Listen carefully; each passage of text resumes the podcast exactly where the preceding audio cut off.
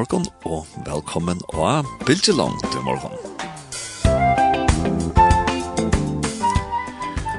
kvöld om skilta i det, vi da en uh, jólasending på sjø. Og ja, og man kan kanskje spyrja hva skal man gjøre sånn ek på sjø jólon, men jeg halte at det er den største kristna høgtøyen, at god kom til å folk her, og til sanden at hatt er halte. Og ja, og i stedet heim vetren er så mysker og i fargen, så gjør det ikke om man helder og sinter av orklen jolon og gjør forskjellt annet enn bare sitte i myskre. Og Jesus, han er jo det største jose som er kom inn i heimen.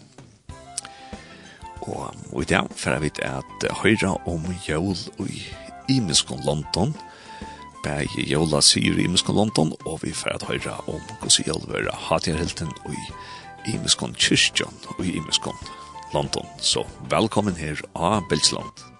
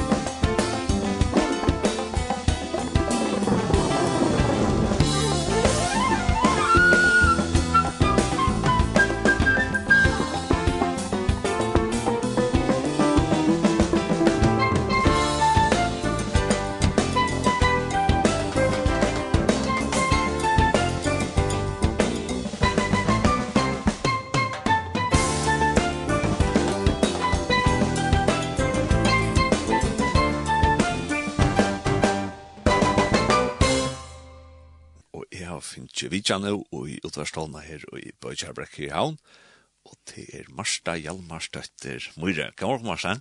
God morgen. Jo, Marsta, skal du kanskje begynne ved å fortelle listen til om til sjåan?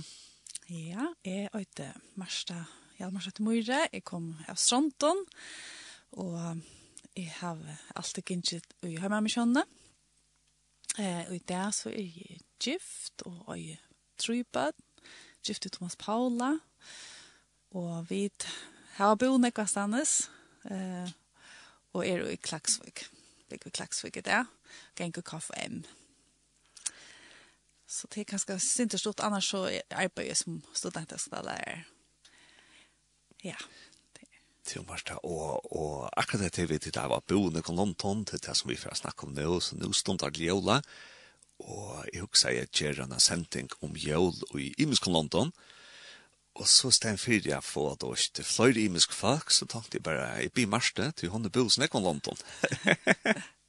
så det var så det så heter cost efficiency.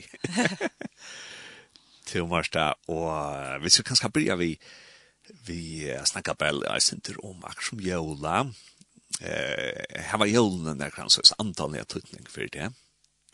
Ja, absolut. Det är ju Det er jo ta jo i akkara bjergjen kom av hjørna.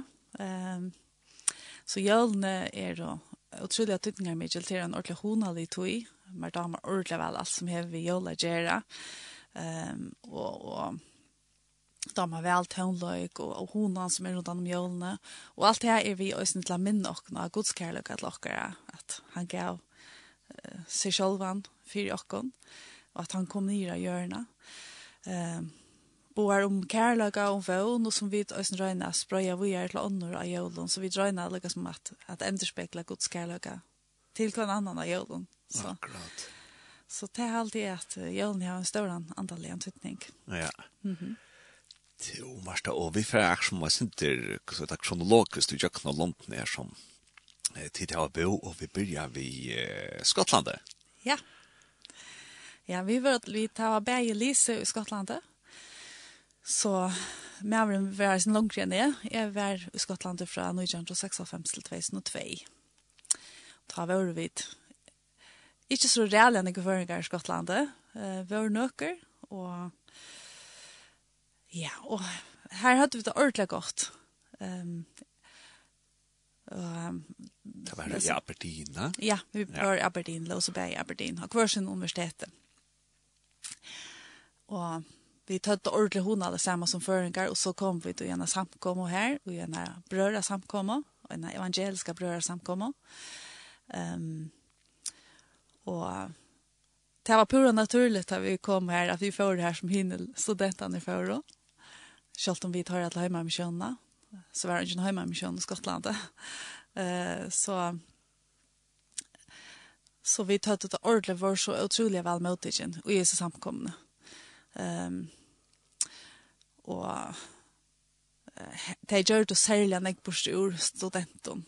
Uh, så de skipa og fyra student lunches, sånne det er, og så var det en familie som ble, bøyna vi ble nesten akkurat okkar adoptivforeldre som, som vi enn har øyelig tatt samband vi, um, som tog seg utrolig vel av okkar, Bjør okkar hjem til døra kvart mye kvöld, så var vi den i 20 folk, samla i saman. Mig kvöld, man mig kvöld. Og det var en parst av kyrkene, hon spalte klaver, eller hon spalte en klaver, og han talar. Um, så, så vi var bäge, alltså pastor uh, blev en, en uh, adoptera in i ta familjerna och pastor av kyrkene här. Thomas, måste, jag har kjolast en bo i England och Og her har det nemlig ofte til et det at her som det er studenter bor, her takker de øyne vel mot studenten og i kyrkjen og samkomne. Ja och högsta lyssnaren kanske att att att nu har vi sett ju sett ju flyr upp från gar och ett glaser har vi ösnat vi upp från gar. Ja. Eh Ja, at, att kanske samkommer her i höstan man kunne huske om om yeah. en sån tendens ja. Tu tu tu kommer kanskje fra Bæk til Havnar til Skikstad, at Ødel har ja. tatt av familie her. Mm Og, og tar det også en tog i løvnen her man ofta finner seg til rette, så han fer fra kanskje når baden trygg til, og når man er vaks man trygg. Ja alltså jag ofta att nu tar jag hit jag att tog in i alltid tar jag vär här så tog det ganska sent för giv och helt av fantastiskt och så rätt men nu tar jag hit jag att lika som 20 år så att vi var vi i Aberdeen och sen 20 år att och det stod en här till som och fälsna stod en här gjorde student lunches och ända familjen. Hej en läsande till hem korsmik kväll och jag blev otroligt rörd av att sucha gosse otroligt störst arbete att göra eh för Guds rike och på eller oskall search alltså att det huxar inte om om se om sucht och om framtiden att jag torrar att kyrkjo men det huxar om Guds rike kyrkjo eh att det huxar att att vi det är bara lite prickar ut i stora på i någon och att vi det vi la värva ett ung och i Jesus. Eh det har var helt utrolig rørende. Så det har vi vi, vi var så tatt tilknyttet att kyrkjen här vi var tatt tilknyttet att familjen här som var andliga och vi tog en andelig fällskap och ödlis i ärn vi var läsande. Det har sikkert nekk mer tydningar man klarar å umynda seg. Och, och ute tar man Jeremy i kyrkjen, så är det størst hømskost, og her, her skärst och prikker av hver folk kommer fra alle verene. Um, Og så standa det så om er så trofest og gera dövra og bjöa og det är utrolig store vittnesbord for Jakob. og hända familien som er vært så som vi har tja. jeg har åpnet spørsmålene så hva kan vi gjøre? Hvordan kan det kan ikke takke deg? Jeg kan gjøre dere blomster eller gaver, men altså, jeg kan ikke takke deg for alt det som tid har gjort for dere.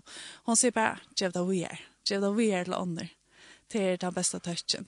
Um, så det, det er sånn simpelthen som en parste under større Eh och på en måte att han en otrolig god kristen ante som vi kunde lära kunde lära ölen jag gav. Det var så och så fra vi att norskast jolon här i Skottland och i minst det var i England det var där ja 2008 att ta helt är att jolon i England det blir nog så tulliga vi pinti och i gott och sånt där.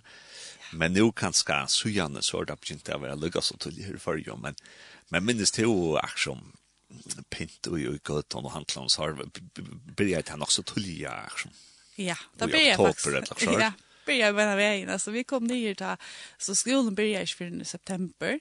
Så det är länka som är färdigt att vi löser här.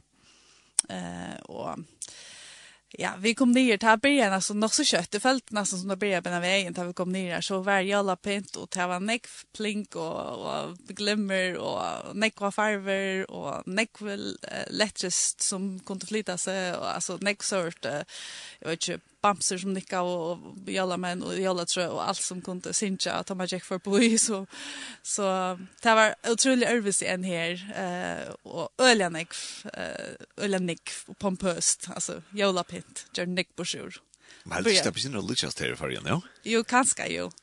Ehm ja. Det kanske allt är kanske inte moira eller så snär, vet. Ja. Mm. Jag också snär att att ta och i handlarna att ta det var bedre rutta, så snakket Hitler, og så kom jola-seksjonen opp, ja? så var det ja. Quality Street og karameller og jalapent og ja. alt sånt. Ja. Og det, det er alltid også at jeg synes ikke noe i følgen at, ja. at handler simpelthen her var noen Hitler som er jolhitler. Ja, det var en handler som jeg om det ordentlig var. Hun har Quality Street karameller. Det var skilt av sjunter som man kunne velge seg bare favorittene. Oi. Så jeg tok på seg hjem vi bare tar imot som favoritten hon och så fyllt ju i äschna så där var allt nog av favoritten och det kan man inte här. Det var det hinner då ett länk och tar runt och goda. Där där josar det. Det så det. Det kan så gå för från mig.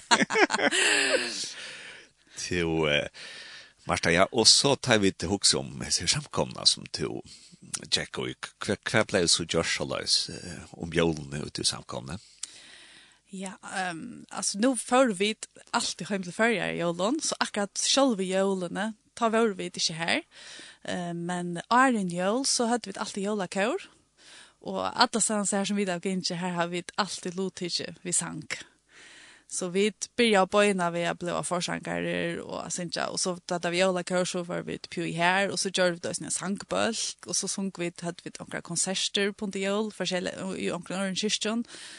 Um, ja, så det var kanske det som är minnes Ehm Um, och så blev vi sjølvande bjøa i heim til en stauran jøladøra tjøys i familien. Et mykje kveld arm for heim jølaferie till kalkon vi allon att lära fyllon och øtlun tillbehör som man kan umynda seg och Christmas pudding som er en kaka vi ett la kaka till rosiner vi, jeg synes jeg dodge som för allt hänga samman. ja, så typiskt skotskt. Och så arbetade jag i en ädelshöjme i fyra år. Och här var det samma, så här mest jag i en ordentlig stämningen. ehm Kosse teg, gjøre seg traditionelle bakstrene av ymskonslæ och och pinte, och att det vi jolla korsen till är störst ting i Skottland, att de sända jolla kors till öll som de känner och i hverjen huset hänga jolla kors uh, alle stedene, så Um, ta sent, jeg har alltid sent hundra då så i har korsten. Och och ja. Så det det var det var ört det. Något som är inte er så här för i så større han störst format som det var i Skottland. Till och nu ser du att det var et jola kjøra. Ja. Jeg minnes det jeg var i England da ta hem man alltid eh alltså Carols service alltså. Ja en særstaka jólagostanaste som bara væra sinja, jólasanger. Mm -hmm. Var det også vi har snakket kåren Ja, vi tatt Carol Service, ja. Ja. ja. Og, og, og det var lusenter, her som jeg tjekk var det lusenter evangeliserande, så jeg vet ikke om det er noe for jo, men i England er det jólasanger, eller populære, altså også folk som ikke ganger kyrkja. Mm -hmm.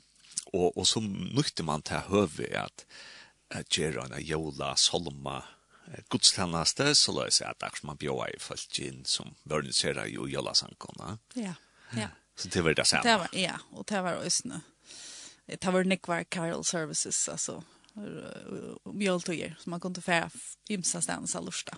Ja. Ja, og vera vi, ja. Mm. Ja, ja.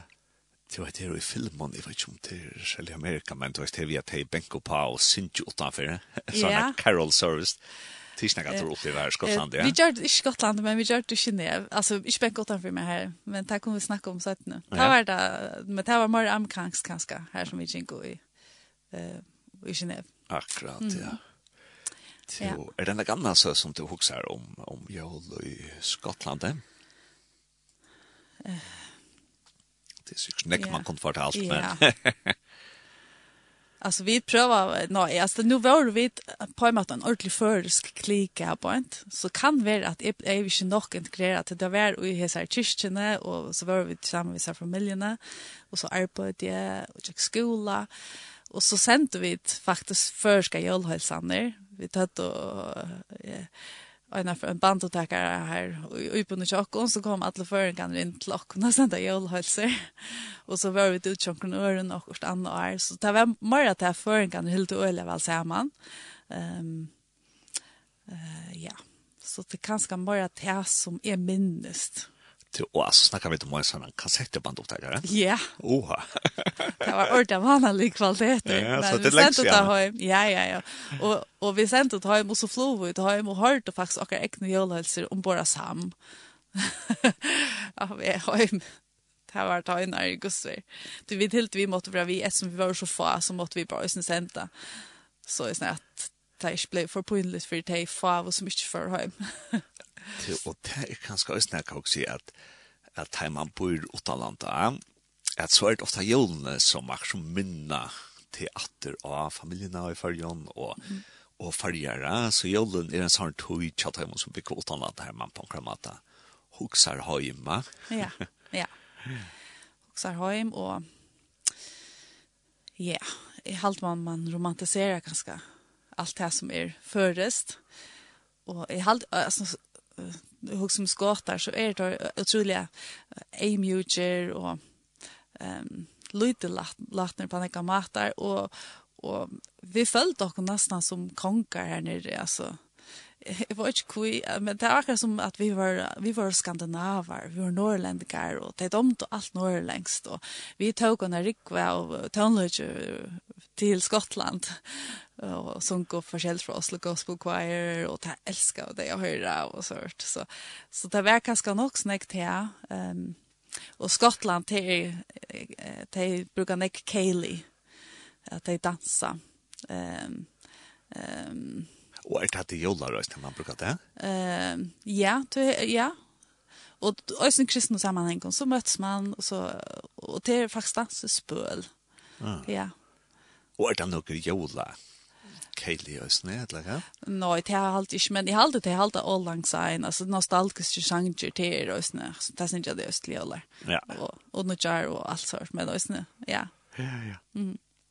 Til, Og et annet også, Marta, at, at ja, hvis vi vet kanskje som er samkommer i fargen, og akkurat unge er i Otalanda. Mm -hmm. Ja, kanskje er det her godt huskot til dere som samkommer i fargen, at kanskje minnes til de som er i Otalanda, om jorden, ja. ja. At jeg sendte dem noen halsen, det er kanskje ofte her som de lunsjast, og, mm -hmm. og hukse om dere som er i etter fargen, ja. ja. Hvis det er noen som ikke kommer hjem, kanskje. Ja. Til Marseille, og vi får at spillene er kjøla sanger, og to valgte den første Sanger, mm Det var A Christmas Hallelujah. Ja. Han er ordentlig gaur, han er ordentlig nutcher. Og det var, det var vidt kommet til Skottland, så så lært vi ordentlig nekva nutja sanger, som det synes ikke enn i det uh, ungdomsmøtene og sør til førjene. Um, så det var at vi lærte ordentlig øyne nekva nutt. Så jeg kan skal ut i andan, og så velger jeg noe som er nutt i det. Ja, og her er så flere folk som synes ja, Chris Tomlin er, jeg vet ikke om han er Josh men han er alt for en elite-sangare, mm. og så er han Lauren Daigle og uh, Leslie Jordan, vi øyne. Ja, så vi får høre en denne sangen som heter A Christmas Hallelujah.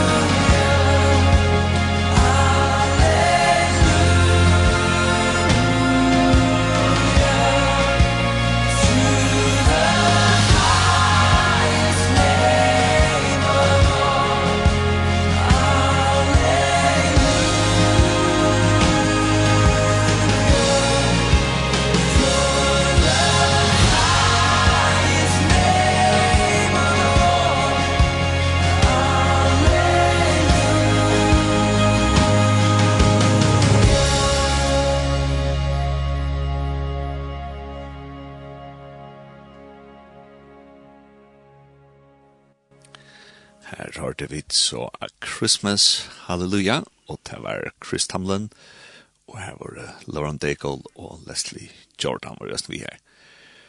Og ja, jeg har vært stadvekk Marste Hjalmar støtter Møyre her og i Uderslåne, og vi får nå flytte okken til Tatuina til tid eh, Gingen samkommet i Geneva, mm -hmm. men ja. det bor vi i Frankarøy, men det er det ikke point vi, i et eller klart. Jo, jo, jo det er bare vi til eh, 15 kilometer eller hva det er.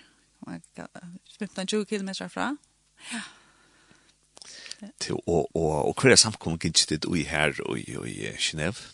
Ja, ta vi för till alltså vi för till Frankrike så för det flott vi till en liten bygd i 2006, och Tjej. Och det var här var inte så mycket ofta godstannast här på ett. Ehm Men så fører vi inn i byen i Genève, og her var en international kyrkja, som var amerikansk, uh, Baptist Church. Så her uh, enda vi vid, og det var vi fører her og møtte på en av en dansk kompere, som man kan nesten si ble akkurat adoptivforeldre nye i, i Genève. Og um, hadde nesten samme funksjon som tapere som vi kjente, kjenne fra Berlin. Eh og vi vi blir så utrolig vel møtt i kinesiske kyrkene. Her var nek internasjonale familier. Genève er jo et kjent av at her er sånn nekkar alt så organisasjoner, um, og du hever alt så milar, og, og, og store fyrtøkker som hever høves og herbønt. Så du hever uh, nek, nek utskifting av følelse alle tøyene. Mm Så vi kom inn i kyrkje som var vån vi til, og då det utrolig vel at jeg kom ut råkken her. Og til å si at alt fyrtjekk seg av enskån så? Ja, at vi tog kyrkene, ja. Ja. Så bøttene til i Jinko i fransk skole, her alt var i fransk, fra mandag til frutja det, og så før det i kyrkje, amerikanske kyrkje og sånne det, her alt var ensk.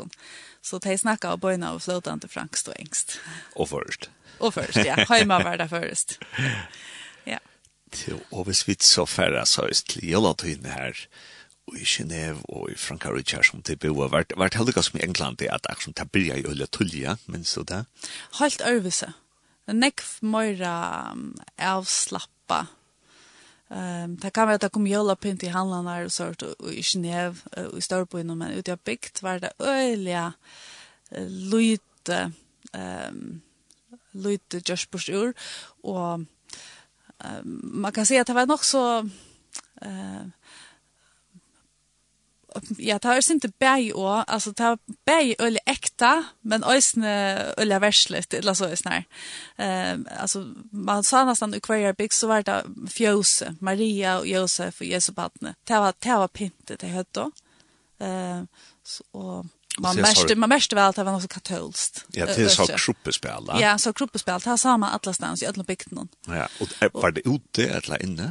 Det hade det ute og øysen inne i skolen og sånt. Ikke inn i elementene av huset, kanskje, jeg minner ikke ordentlig om det var inne i huset, eller om det var utenfor. Kanskje det har vært utenfor det. Men, men så heter øysen kombinasjonen ved at jeg kaller det for Jøs-festivaler. Og det heter Jøs-fest, Jøs på en måte det var nok så färsligt. Ja. För att lika som att inte se jul. Inte se ja. Ehm um, ja, så det är man hejer inte bäge och bäge att det var ölja lite materialistisk, i mån till att man mest ganska i Skottlandet.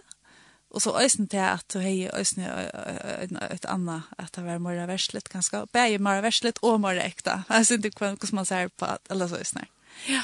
Det var åt tidplatte sista färdla för jag eh, om jólene, men, men vårst hun ikke om jolla med at her nere var det Du nevnte ja. kalkon i Skottland, ja? Ja, alltså vi, vi tar faktiskt helt, uh, helt till øyne jólene her nere, Eh uh, och här är er det alltså i Frankrike gosse här som vi bor här var det ordat tradition för att julen så får man upp i fjällen. Så så tar blir det öliga tömligt i bygdene.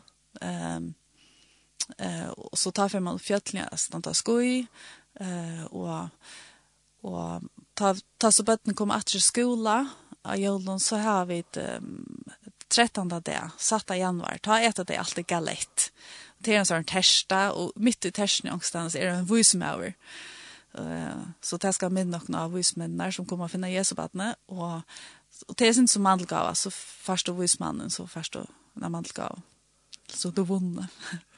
ja. till att det är för i fjällen jag ska jag har det så hytt hytter ja. i fjällen så det er øye hytter som det så öjehytter ja flytande igjen och jolla det igen ja vi uh, loja av nemlig hytt och tar vid helt jol her nere så så helt vi jol aftan hemma och så första eller andra jolla där så för vi ner i hytten och så var vi her till nudjar ett lag skört så ja det var som vi ikke nevnte kanskje i Skottland, det er at, at de halte ikke jolafta, men de halte jola, det er smorkon. Ja, nemlig. Hvordan er det her i Frankrike og eh, eh, sitte sveis, minst du det? Ja, altså, jeg mente i hele aftan. Ja. Jeg her. Ja. ja. Alltså vi tvära och ordla för skål och ta vars öl internationellt här som vi bor. Ehm alltså det var otroligt honalig bygd som vi bor i. Faktiskt är jag ofta huxat att det är paradis att göra byggvär här. Vi är bara så verkörst. Och ta bygg vi en glansbord i är runt vi tött och fjällen runt om och allt benar och jorafjällen och hejt ut det var helt otroligt. Och så bygden som vi bor i var så öliga vöker och Ehm um, og falsken som bor her var öll internasjonalt, det var så öll flott her til og hadde ikke familjerna så vi ble öll som en stor familie. Og det var blandinger mellom, altså kristin, ikke kristin, men vi var öll sammen. Eh så så till dagligt var vi där som en familj och så hade vi ett antal i hem i Kishne i i Genève. Och det var ös på samma mat att man blev så extra tacknutter till att hej hade i sina familjer och tog mått och vid ordla hjälpa kvar. Ehm um, det kunde vara allt möjligt alltså till dömes ena för att sonen som blev bojen så var det bojen av några familjer som bjöd sig till att köra och allt sånt alltså det var som det var ett ordentligt vi var ett öll samman om allt og hjelpte hver en øren ved at ha bøtten i heim. Til det var skola, så hadde jeg alltid døra passet for timer. Så skiftet vi om at ta av bøtten i kjøk hver en øren heim til døra. Til, og, og, og hvordan folk bor i disse her bygdene, cirka, disse franske bygdene? Her var omlag tusen folk. Tusen folk, ok. Ja. Og var det anker som, du vet ikke, som kyrkjøy i Genève som var som bor i sånn bygd her som tilbøy? Ja. Nei, ikke akkurat her. Men bort vi så inn her og bo heter Perre, som vi kom og eller tatt sammen vi. Oh, ja. Og vi tatt og faktisk en husgruppe og sammen. De kom og de var leis, but ikke de var vaksen, så de var de var jo 20 år eldre enn vi. Så de kom til åkken til, uh, vi tatt og bibeltøymer hver tyskveld og så at når bøtten for en sjong, så kom de til och så hadde vi en dräcka mån og det var ordentlig ordentligt litt. Så det var jo faktisk bare vi och de, Men så hadde vi nekva viner ur kyrkjene. Bär ur Russland, ur USA och ur Australien. Och vi møttes räckliga. Och här var også nu nekva jötar, alltså kristne jötar som kyrkjene her. Så alltså utrolig avhavert i fellesskaper, alltså ehm um, panika matar. Ehm um, och utrolig donalig folk och ja, det var det var det var stolt av vi och vi här var vi ösnu eller aktiv i söndagsskolan på och i Kåre. Eh och ehm och så hade vi lever och, och allt sånt så vi ja så det var det var ordentligt gott. Och det vi så norskas om här och i ser här eh Baptist Church i Genève var det så sälja mest av action jordlagt ut här i kyrkan. Ja, så vi tatt då ösne en eh ett jola en jola ett jola möte sanklot och och och och så och söndagsskola och så var kropp och spel och allt det eh traditionella. Det var det var mest av er på ett iron jul alltså sista söndagen är iron jul i advent. Ta vår i mystiska aktiviteter ehm um, och så är det själva julen så ehm um, var det Gustavs jul aftan och så halt inte hvis jag minns rätt så halt inte hände såna akkurat mitt i jól och nutjar. Så tar är det liksom fjäll fjäll kvar fjällen. Eh tar det liksom familjen. Eh och så så börjar man att nudja Til, Det och att det så en en allt tjoa samkomma i Geneva. Ja. Var det kanskje også mest på den jævla folk at de imskar sier så, minst det?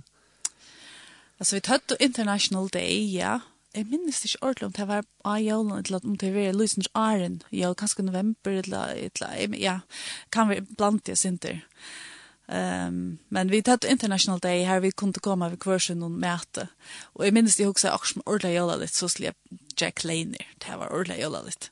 Jeg halte det, det var jo ikke hvordan jeg glant hadde Kleiner. Ja. Jeg misker versjoner av Klein, og så også, ok, vi lukker oss nok snakke, lukker va? det var jo så spesielt. Nei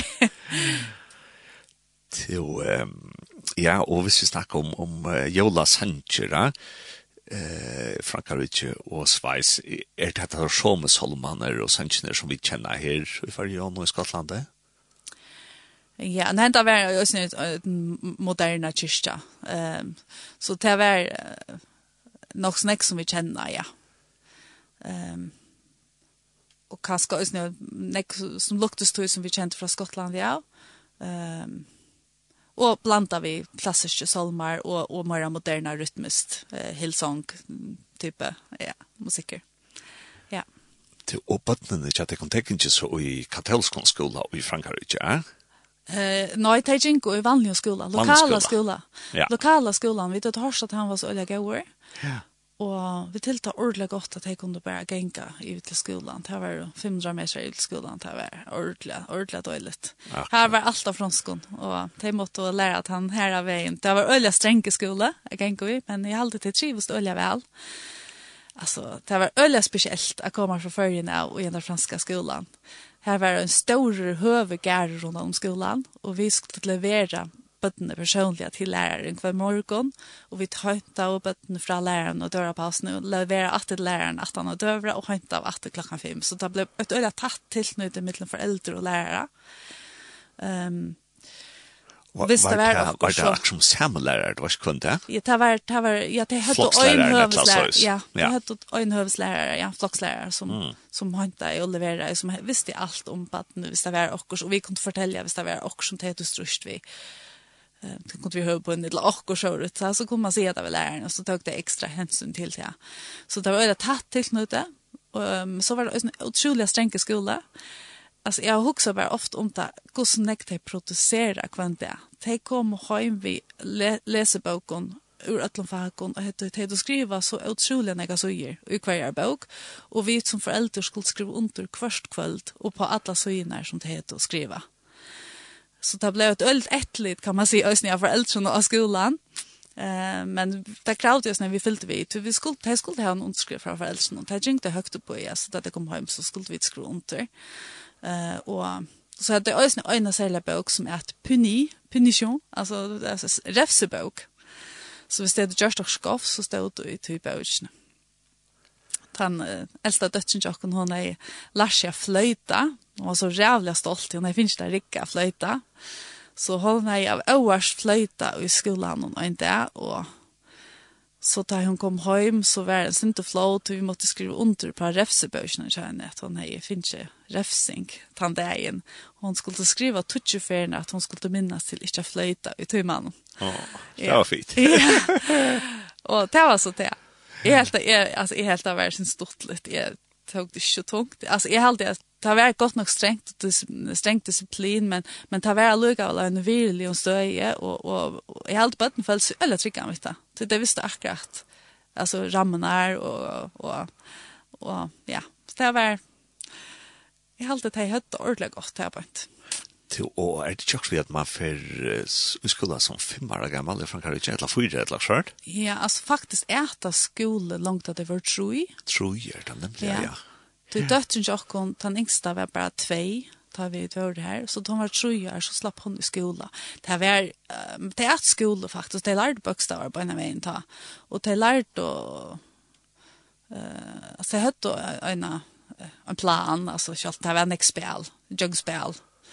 Men uh, ja, det hade nog så tydliga regler så det skulle att sova från Det det kom att skola klockan 2, nej klockan ja, så skulle det sova till halvkon tro i allt. Så hade öll bamse vi och alla madrass så så låg en helt sjukt men gal att såna bara. Så det ordla löj. Och så det funkte in här och hon älskar det. Hon helt var ordla ordla då så hon glädde sig ofta till att lötna att ha frier. Det var det samme skole som tvei til eldre på den ikke Ja, det var bare imska avdelinger av skolan. Så man flyttet seg fra Martinell och så till Grand Section och så får man till Elaja så får man av skolan. Ja. Glömt ganska sidrötelse nämn också. Och och och frat hur man det tror det var det den yngste skolan här till Östne Ochebes Achalaga som skulle ha till över. Ja. Okej. Ja. Till och till vi att hit Oliver Raje kvar morgon och tog hem kvann där för att samma läraren var det også altså oppe i jokken Arne, akkurat lukket som til, til første Arne? Jeg har til det i færre, til det færre sjette klasse, så færre det en annan skola, så færre det college. Ok. Ta, ta er det på en så ta, ta ikke mer bussrett om skola, ta er det. Ja. Ta er det lukket som sleppt, eller sånt, så sånn. Men jeg leser først i Arne, til og i femte flokk er det utrolig tatt samstarv med foreldre og lærere. Du ja. går spørre til at man stadig hever døvra timer. ja, døvra timer, tvær timer. Ja. Og så at det er fru hver mye det var det akkurat som var det Ja, jeg vet ikke, det er akkurat høvelige grunter til det, eller det var ikke kanskje ikke. Ja, nei, det var ikke. Det var et par gosser at Sarkozy ble presidenter. Um, det var stort at når vi kom i hver 2006, jeg minns om han kom i 2008 eller kanskje. Uh, Etla var det 2006. Han avtog at man skulle til skola leie det. Til det første halva året da vi bor her, da gikk den neste dødsen i skola, kvann leie det. En halvan det. Mm Men det ble så avtidlig ta. Og så var man ikke man skulle få en halva migda innestein fire. Men det kom omgang med vi bor her, så det er fru fruk var migda og fru leier det. Mm. Så det heter fyra skulle det en vikna, men det var så til halvgång fem kvendt det, men två timmar dörra paus. Og så hadde de, de lese tung og fag, fagene hadde i morgenen, så hadde de mer praktisk fag, sånn at det var eksperimenter og sånt. Mm at jo, Marta, jeg vil fjerde så til en sanka tre at nå skulle vi sinter og vakre franska at det. Ja. Eh, så det er Tino Rossi, det du det jeg sier. ja, jeg vet ikke mye du jeg sier det selv, jeg er for en leie. Men uh, ja, det, det første som jeg gjør til her i det var at jeg har badnakører av skolen. Uh, og fransk badnakører lokalt i skolen og i sangkvien fransk kvinnekører i Øsne. Uh, Og det har hjulpet meg øyne til å komme sindra leie, men det var øyne i nøyne internasjonale miljøet.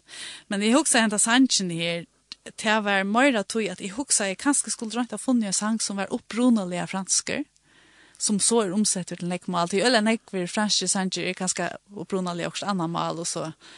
Så det her som vi alt kjenner som Å Halga Nått, han er opprunelig av fransker, eh, min vikratja, og, eh, og Eh och så är det heter en ordlig gammal version men det har alltid hetta som fransmän förbinda vi jul Nästa lucka som tar vi tar Frank Sinatra så hör jag till Tino Rossi. Ja, ja. Så inte akkurat mycket stoiler men alluga väl alltid här heter ordla heter kanske blir strandig franska än det.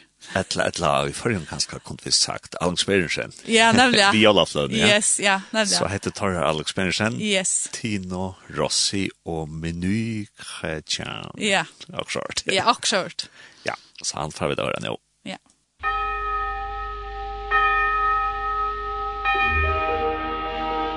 Minuit chrétien, c'est le soleil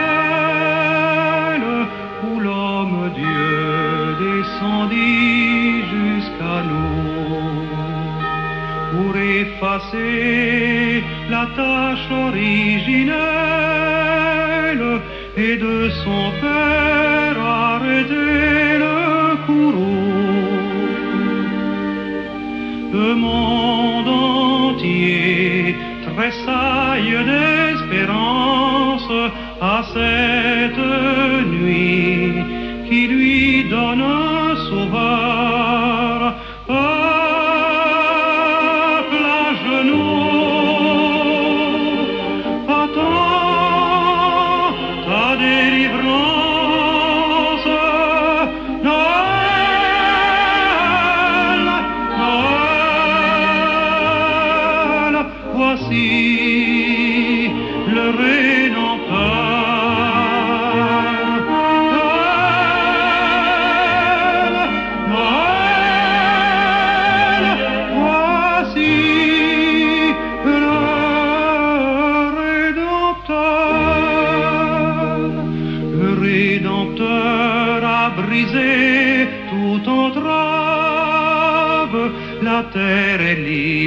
et le ciel est ouvert il voit un frère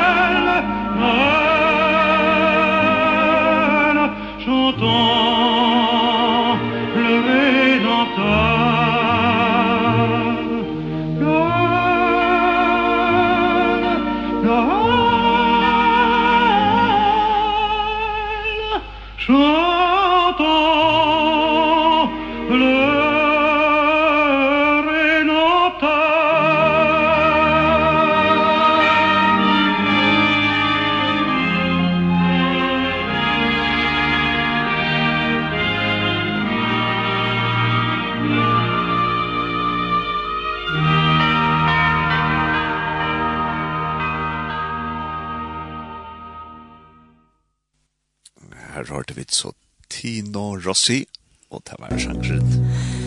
Du er så fin. Meny kritan. Og nå blir jeg knapt løgn norske sjanger. Ja, det var så ikke mye, men så var det. Til den franske sjangeren Marstein Hatren, altså han klinkar ordentlig av, av fransk løyka. Ja, ordentlig, ja. Ja. Det vi rotla ärren. Ja, ja, ja. Det hade inte bött när jag lade allt. Det hade inte så vel. Men, men det var nok så skrek at man prøver i, i Jack Lebatna-sang vid till yngsta dödsen på denne veien. Det har lært ordentlig ordentligt. Det har vært varit alltså bevägelsesanger. Man skulle nämna vi nøsene och inne og hade axlar knunt här och kört av franskon och som kom donner og, og at lata horar opp og kar horar atter og forskjell så, så, så lärde jag ett år, av år, så jag klarar meg i dagligt till det fick Franksböten och hem att spela kvann det är ganska i dörra till mannen och sånt där och här var vi näcksamma i fransmannen lokalt. Så man var nöjd till att klara sig nöklunda ta man skulle ta sig upp ett nytt och svär ja Så och hvis vi fäller ka alt av fasta Frankrike lyssnar og kanskje sveis, eh jolen i skolan om skolen, skolan om noen minst när kom. Kaplan helt det här. Alltså här var alltid ett marsket och och jola. Det var alltid jola eh konsert vid botten och, och med landa här hej upp att man går till dans som hej på när går blir sjuk så så helt i ajam. det klarar jag sig själv mig stod frakst så knappt jag stod är här hej jola köre och så sank är en kvinnokör någon så vi tog ett konsert här eh, men med bøtten här sjunker vi inte antaliga sanger det var bara värsliga sanger och och jola pinte och allt jola var öliga värslet av skolan och til halte hev kanske näka vi till att att frankar och fransk religion og så blev det øyla tydelige skillnader mellan kyrkjena och och skola och og kyrkven checken blev privat. Ehm um, så det blev en differentiering och privatisering kan man säga av av trunne. Så så sa man att det inte inte ute i allmänna rummen och här vid skolan helt riktigt så så det var lika som ja det var vi sjung om allt möjligt annat än än Jesus och god. Ehm Och och det som vattrar och nisser eller något. Ja, vattrar och nisser kunde gott vara sin och hon allt helt är. Och det var det sin sort undergörst som levna i åter ja i hållon eller så. Det var sin snett och ja. Men så var det oss nyola med och Nekko Sanger mjola men ehm ehm ja. Och det var och sårt eh ja Men det er badnakar som til så vant det, det var så opp til at man har en jolla konsert at tid vant det, eller hva? Ja, ja. Vi vant det til jævla konsertene, ja. Så det var, det var tam tog år när vi vant om hest, og så hadde vi jævla konsert, og så det var det. Um, kvinnekører, det hadde vi så alt år, men vi tatt oss jævla konsert, men da hadde vi et antall i ta da vi konsert i kyrkjøn, mm. og ute, og sårt, ja. Ja.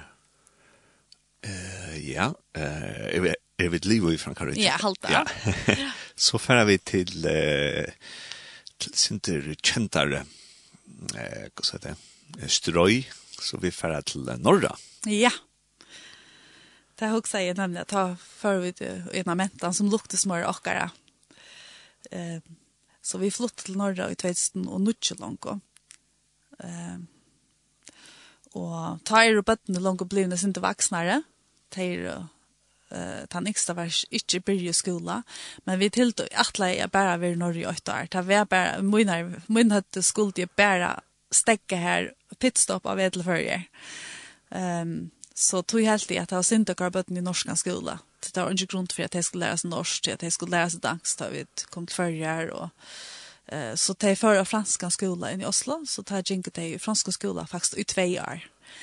Egentlig så helt att detta blev inte för komplicerat så vi valde att flytta till norskans skola. Ja. Och och här kan det ösne och en är samkomma och jag slå Ja. Vi det var också ringt jag finna när samkom i norra. Eh nog så löje till att alla ärne med vi bor i förrjun och vuxer upp så har vi ett lustigt norsk och gospelmusik och idealisera allt det norska. Men så tar man kom till norra så helt det där öliga torsförsta finnarna samkom här på ett. Ehm så vid og faktisk en øyelig avbjørende tog som kristen av er i Norge. Tog her er um, det var øyelig humanetisk i, um, i Oslo-Økjennom. Uh, og vi ginko, jeg, jeg byrja i bøyna vi synja i kjøren som var nærmast vi er som vi boa. Uh, det var et klassisk Bach-kjør som sang uh, for det meste klassiska musikk til Johan Sebastian Bach. Det de var ordentlig vel. Men det var i Falkakirkene her på Og jeg sang Sofiri her, og vi tatt opp bøttene vi sunnet deg her, men vi var ønsomme. Men her var øyne tiltøk. Her var tensing og twinsing, jeg vet ikke hva det ikke var, og skautar, og... men her det er ikke kyrkjøk. Jag var badna det bara så stort men men det var ungen. Ja, jeg vil si at jeg følte här som var ungen antal fällskap eller så snart. Det var vi så ut og där och og ni hukte böcker och och så för vi det ut. Så vi drar inte lite etter ankrar kyrkjo som var mera som vit och vi var ganska her var ankrar i Oslo som var ordentlig gauar och så vart men Sinter Onsan för så länge in vi bor i en kvanta och och så var det här ganska mästare. Vi var inte läsande langer, och vi var blev inte äldre eller så snär. Så har du de barna kör i i Sandvika och i en pinsa möjlighet. Och det var ordla gott det gjorde flöver så också jag heter Akka när för akkurat bödna för att pröva synchen så han kör och sånt. så så vi började vi tog och vi trivs på en av så otroliga väl i hästkyrkorna. Det var snäcka familjer som var akkurat lika som vi. Alltså samma ålder som vi och hade bödna samma ålder som akkurat bödna. Så det gjør det så utrolig lagt at fettla til. Uh, her var velfungerende som det skulle arbeide i ungdomsarbeid. Og vi dotter vel å sitte denne fremtid. Her har vi denne fremtid. Her har vi akkurat arbeid noen chans at vi er ved å trunne. Uh, så det var følte jeg ordentlig som her, her er det en ordentlig avbjøring. I Norge er det en avbjøring. Um, så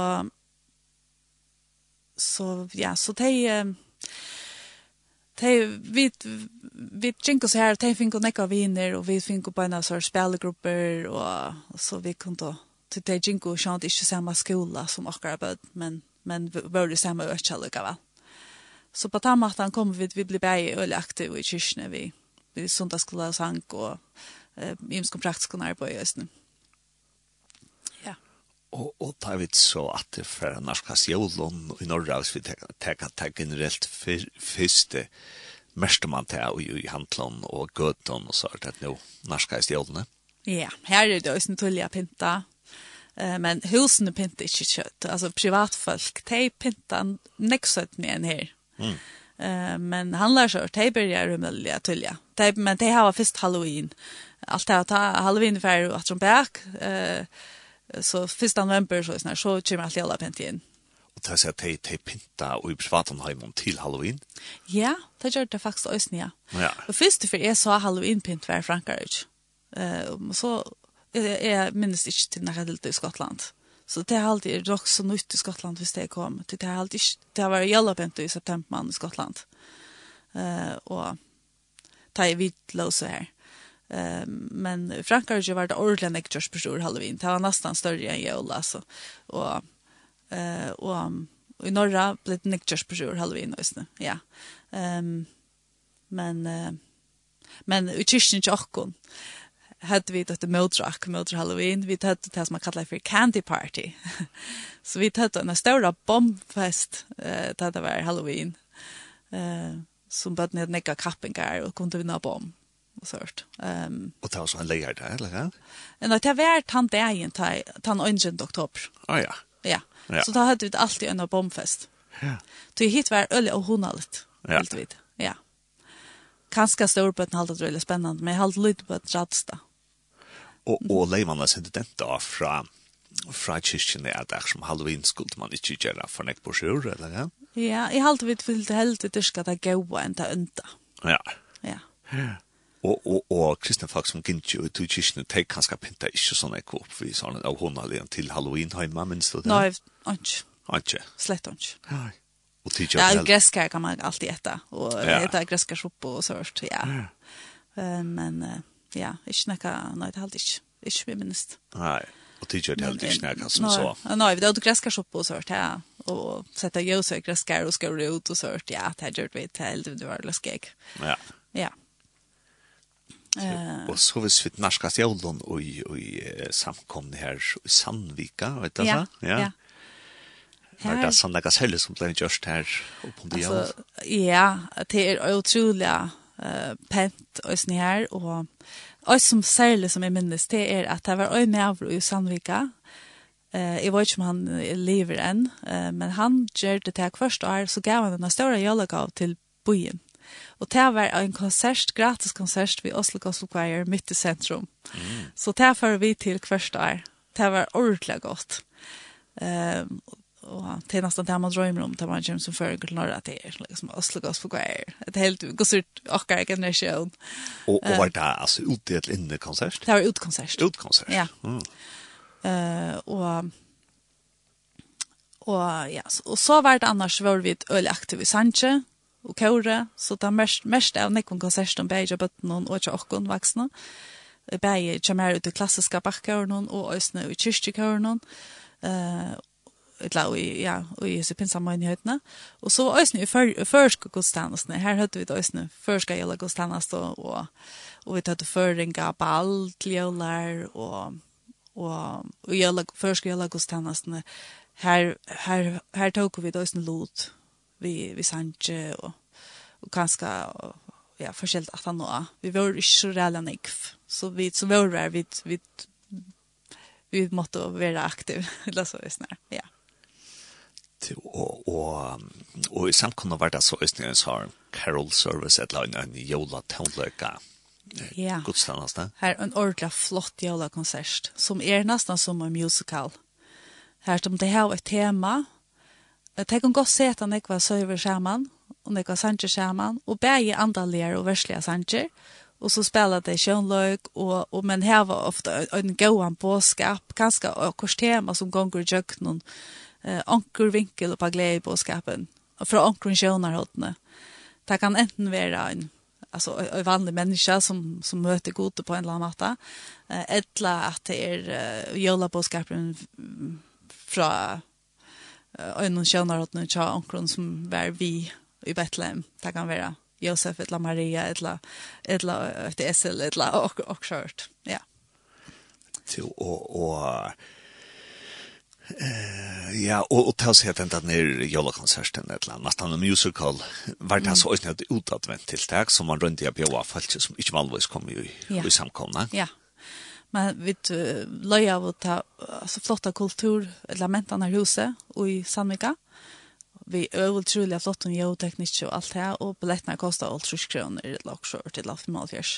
Så vi, vi kjøpte ofte nega billetter alltså ganska köpt en 25 touch billetter och så kunde vi ge vad långt kan ha begär eller eller till ankar föräldrar så bötten och jocken så bjöd de via lusta. Eh ja, eller bötten och jocken bjöd av en folk om vi Och så på tamma han var då snö mission ute. Men det var nog så lätt eh ta vart ta var honali boskaper och och nekver andalir jalla sanger. Men ösnu hej ösnu så jag forskjelliga musevisa och og så som är ordla norskt alltså och har vi vaska gulvet och så forskjelligt alltså man kan köra in i en like eh som som brukar ordla väl. Og så så gjør det nekk på sjö kostymen alltså det jinko i tröjan och hettan och og och och ett så var det pinta i i flotten balchalon och eh gjør det nekk på sjö rekvisiton eh sitter som jag vill løtjen, men det skiftar sena ut eller skiftar fältene är kanske inte själva sena men ljus och och och går så fältene i latten og takk ikke så på at et lag for det siste gjerne i norsk skola. Ble, ble nekka ja. særlig Josh Borsjø og Jolon her i skolen. Ja. I skolan her var Josh Nek Borsjø. De hadde bæge eh, morgenmøter eh, til eh, altså på en del så hadde jeg klassevis um, at jeg bjør av foreldren og ommen og appen til morgenmøter. Vaffel, eh, ja. Ja, nei, ja, det var faktisk ikke vaffnet, man hei sin egna morgenmat vi, så det var ah. just nok så enfalt, man skulle, öll, ta funnet vi kjørt til det første året, um, så første året føler man seg eller bortan, man gjør alt skoft, og så lærer man det så i sånn her, gjør lukkes med henne, um, så man skulle ha noe kurvi, og så hei man mät i kurvene, og så setter man mäten av bord, og så fikk man et bord, og så setter man seg her, og så framførte bøttene eh, kår, altså jøla sanger, som går utrolig vel. Mm Nick vi gå till några lärare och Ted Lars Nick var sanger och så sunk det kanske en timme och så så var Mark Mason lever. Det var faktiskt det. Ehm um, och var det kristna jag var sanger? Atlanta. Atlanta. Ja. Ja. ja. Så ehm um, men men ja så vi som för uh, alltså vi följt också ofta ensamma till det kanske det här mitt mitt i arbetsliv eh så är måste be fru ganska för skolan att vi måste andra och måste för att jag bara sitta ensam med lär eh till att hin i hött och boar ommenar och appaner och och föräldrar och allt vi och ta följt med sig ordlas som en utlänning. Det var helt det var så. Ja, ta fick jag ordligt salen. Ta vill jag hem för Sverige. och eh men det var ordligt hon alldeles alltså så så pratar man till ett man kunde välja hitch på det eller så sett man sig samman med en familj och hej ett ordentligt hon alldeles prata så kommer man att känna henne så lent så det var ju en ordentligt hyggligt. Ehm um, og ja, altså, vi så også at det brøttes i Norra til at det første årene så fikk vi alltid brev hjem fra skolen her som vi skulle skrive under hvis vi ikke yngste bøttene for de jøla godstannast til alle skolen for de jøla då. men hvis vi vill då fra bia bøttene tjokken er færre tog vi kanskje var muslimer, eller tog vi var humanitgar, eller, eller også, uh, så kunde vi skriva under på att det här var brev. Men det sista åren till Bettingen skola, ta fick vi ett örvesebrev. Ta fick vi ett brev om vi verkligen yngsta bötten för i kyrkja. Så det bröttes fra til at man kunne frabe seg til at man kunne ikke affære i kyrkja, eller at man kunne velge kyrkja, eller altså, ja. Så ta blei det, blei det faktisk en ordentlig kapping til at kanskje hinne alternativen blev coolare och coolare i till affären av vanliga godstjänst och så blev det som man kunde göra sen fyra blev mer och mer spännande till så så blev det blev det sort trust och vart det färg färgbart som så fører till. Ja. Ja. Ja, men det är gänga lucka och högt på så godstjänst alltid ändå att det syns att det är klassiskt och jalla sanchner och orta till ortla gott alltså det är det. Men men man ser att det bröts det synter Eh kanske blir man det inte mer benchen för jag stöta era mentan ner och så och benchen för att det är för nek i skolan och det så snära. Så jag var ju kört om om det brötest ja, det finns också bröda smör. Och om att det var särskilt i Oslo, att helt att du rejste runt, runt om i landet någon, helt det var ju ganska mycket. Ja, alltså i norra hever och bibelbälte, ja, Kristiansand och Stavanger, det är ju till bibelbälten i norra. Så, så norra, och Oslo, det är ganska det bästa sekulära, ja, ja, ja parsen av norra. Så ganska vid mest utan jag mår nära stans. Ja. Ja. Till Marta nu för att nästan spille en norsk sang, men jeg husker jeg hooks är aren't här. Ett lärt andra gamla norra som vi så helt til skulle nevne. Nej, no, alltså vi det alltså jag som är jollen, vi helt och jolflyger för norra. Så det vi montlat vi det har väldigt jolligt i hinland och sälja nek bara innanför Frankrike och Eh så har vi till flör för i norra och det är så tar man åt så är julen nek mer fredlig.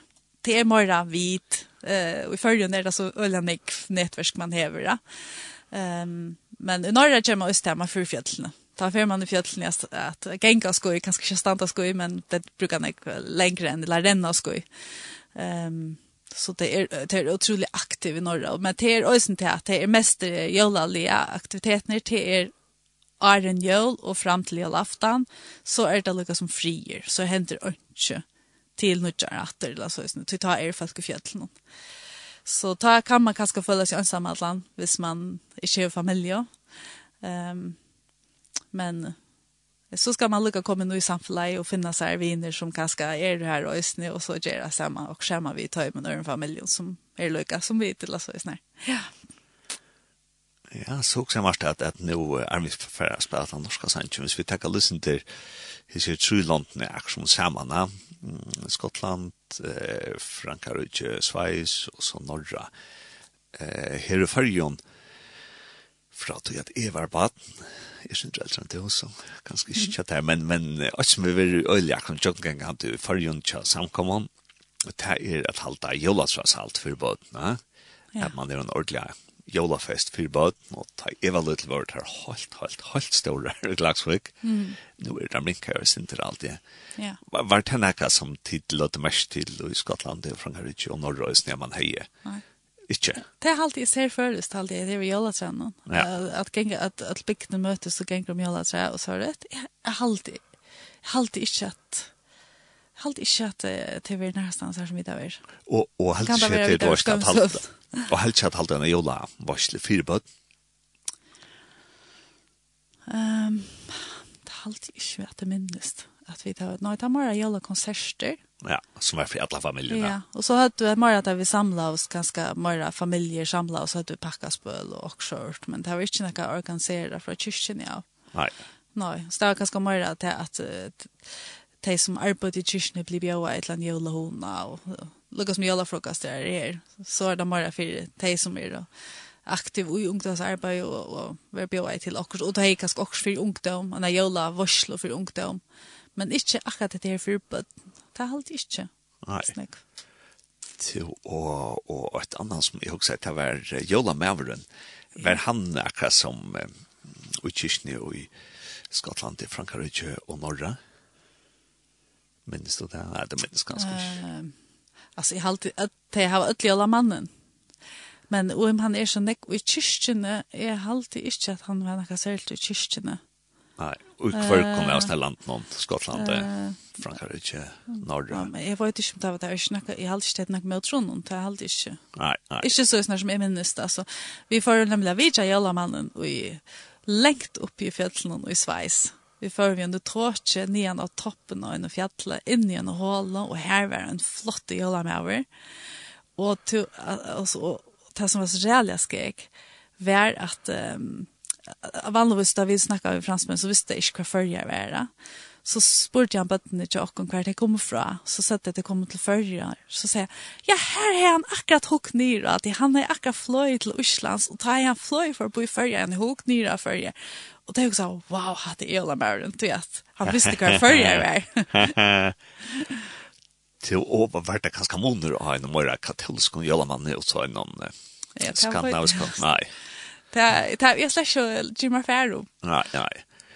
Til och så också är med vi nu bekat ett Klagsvøk og kom her här kaffe med Karl Klagsvøk, som jag snävar eh at her har man jólahald fyrir folk som er ein til jólan og er snir i havn hevur KFK jólahald fyrir ein til og vi hava en lenka tradisjon i havn fyrir at uh, frestens her gernaka fyrir te heimleis jólan Uh, var det nok snævs til Kirsten Skottland Frankrike norra at man gjør det hele tiltøk fire ansamme fyrir ein samatla til heimleis utan Kirsten over jo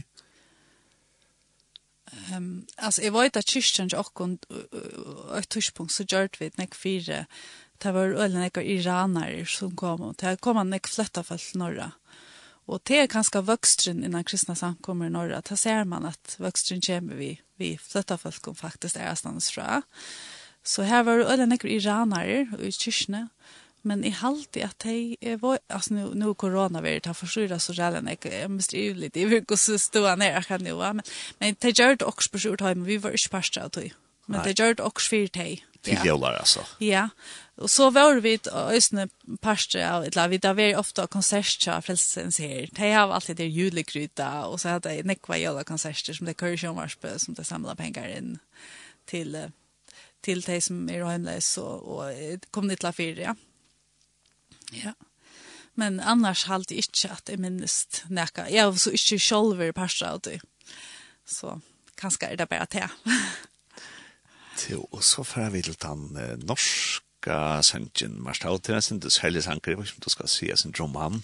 Ja, altså jeg, jeg, jeg husker jeg at jeg skulle velge en norska sang, så husker jeg at, at velge en uh, en norrnara, han, han Nord-Norsk julesalme, han er blevet en sånn folke, folke og i norra, øyla veker sjanker, og til særlig Selja Tai og Maria Hauka Smitta synker så damer han øyla vel. Um, Mamma Mambo ikke må inn og omsette igjen, til firme i 2018, og ta sanken i førjen større fer.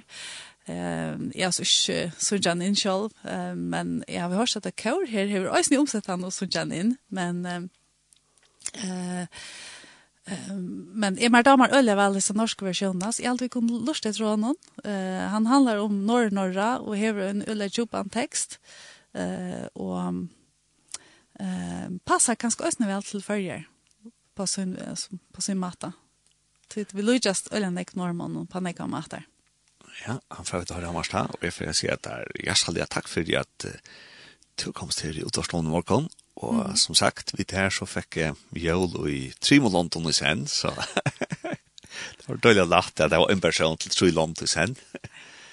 ja, takk for det. Og bare ikke at det kom gledelig jøl og alt det beste. Takk for det.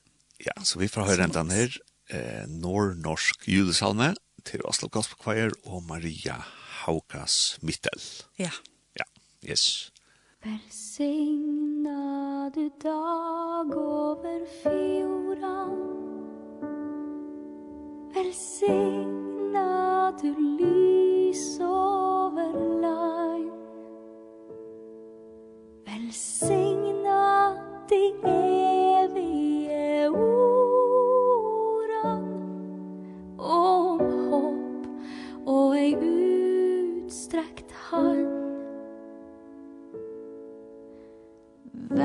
sorg detta lilla du ga oss Den dagen du flytta oss hit. Så vi känner du aldrig vill la oss förkomma i armod och skjut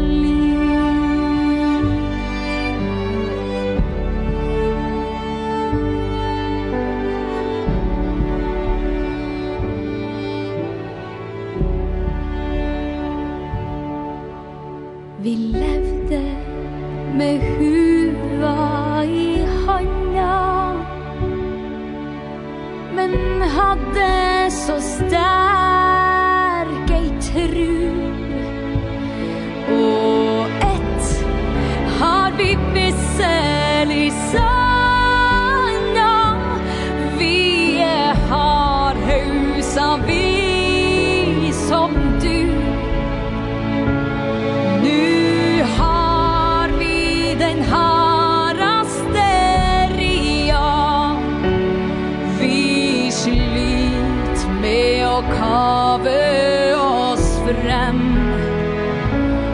Mot liv